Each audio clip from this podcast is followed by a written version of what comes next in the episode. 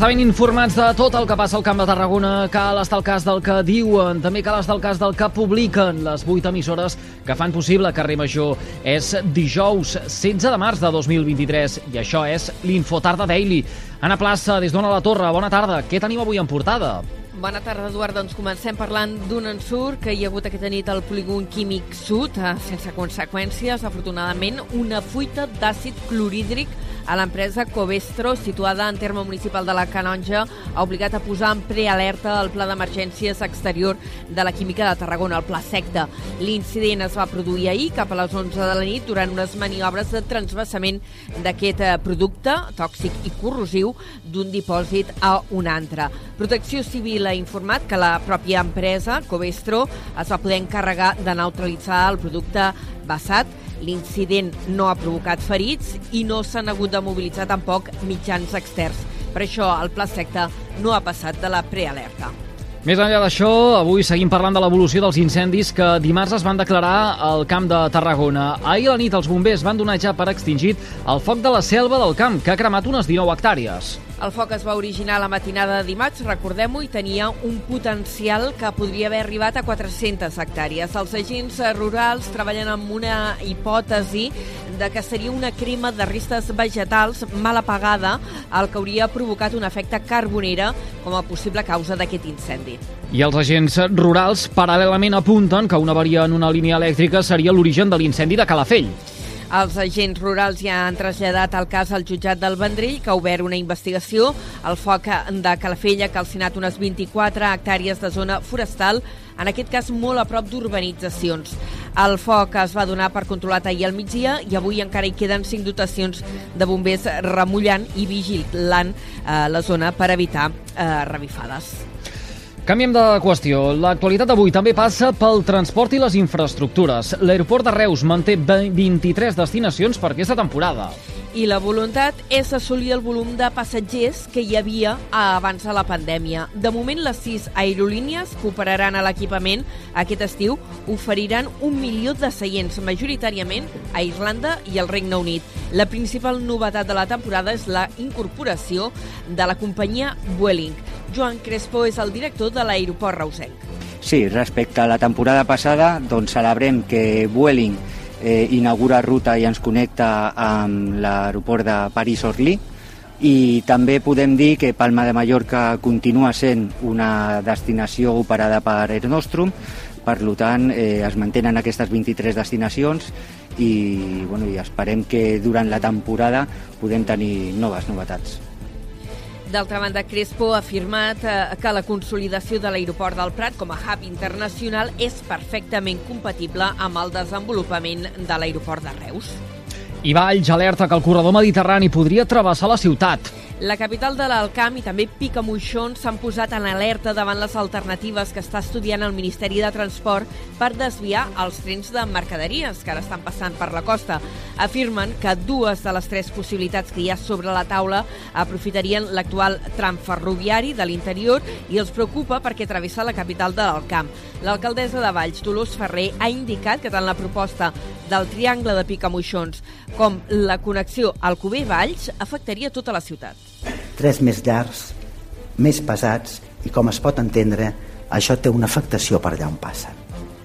Afectacions al territori, en les zones residencials i afecten de manera directa els veïns i veïnes que viuen a la vora, a nivell de pèrdua de qualitat de vida, molèsties, sorolls, vibracions, entre d'altres.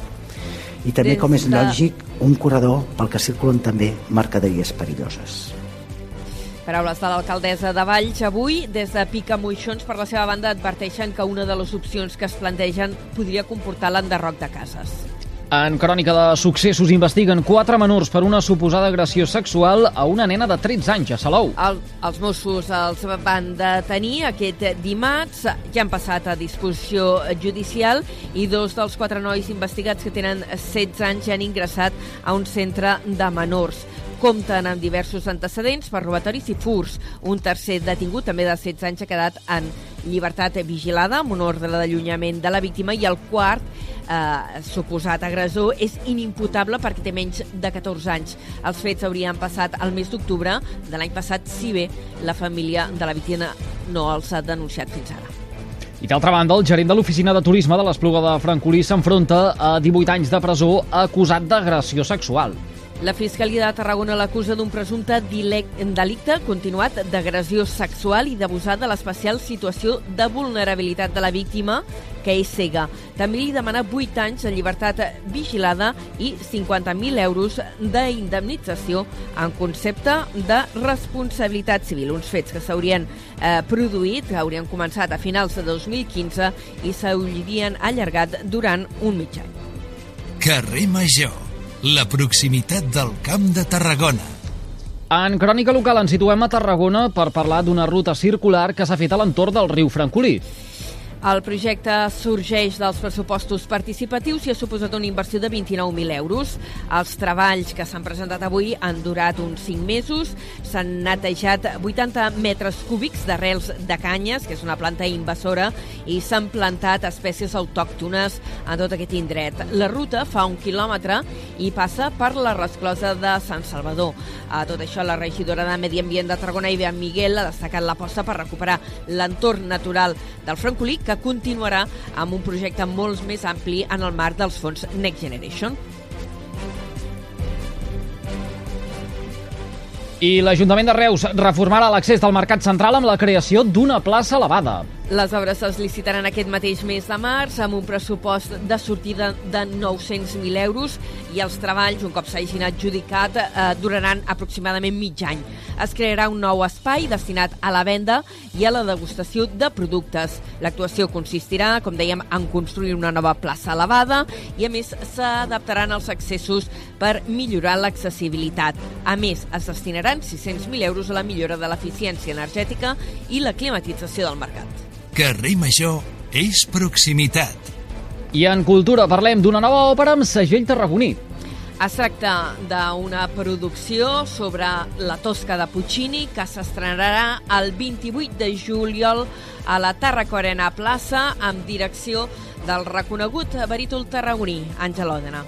Carrer Major, fent camp de Tarragona. Va, que dit tot això, és moment de conèixer quin temps ens espera de cara a les properes hores. Lluís Mi Pérez, sembla que ens espera un temps força tranquil. Bona tarda. Ha de continuar el temps més aviat tranquil, el que queda d'aquest dijous, amb alguns núvols baixos que sí que s'aniran presentant a la costa, en algun moment fins i tot amb una mica de boira, com passava aquest matí, i aquests núvols una mica més probables i més freqüents a les Terres de l'Ebre i a les comarques del nord de Girona, bàsicament a prop de la Costa Brava. A l'interior del país temps més tranquil, més assolellat i aquesta tarda més suau. De fet, al Pla de Lleida arribarem a fregar els 25 graus. També allà, al sud de Lleida, a l'interior de Tarragona també, el vent de xaloc es reforçarà aquesta tarda, al igual que els cims del Pirineu. Demà, una altra vegada, durant el matí, sobretot, molts núvols baixos, boira, cap a la costa, al prelitoral, també a la comarca d'Osona o cap al Bages, i demà a la tarda arribaran alguns núvols per ponent que deixaran ruixats, algunes tempestes fins i tot, sobretot al nord de Lleida.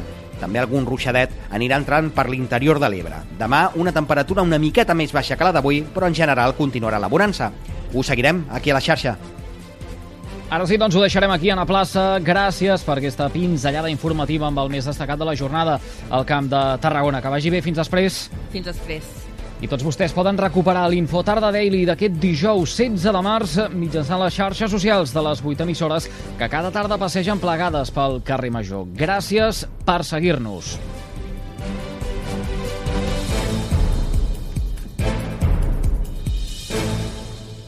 Tot el que passa al Camp de Tarragona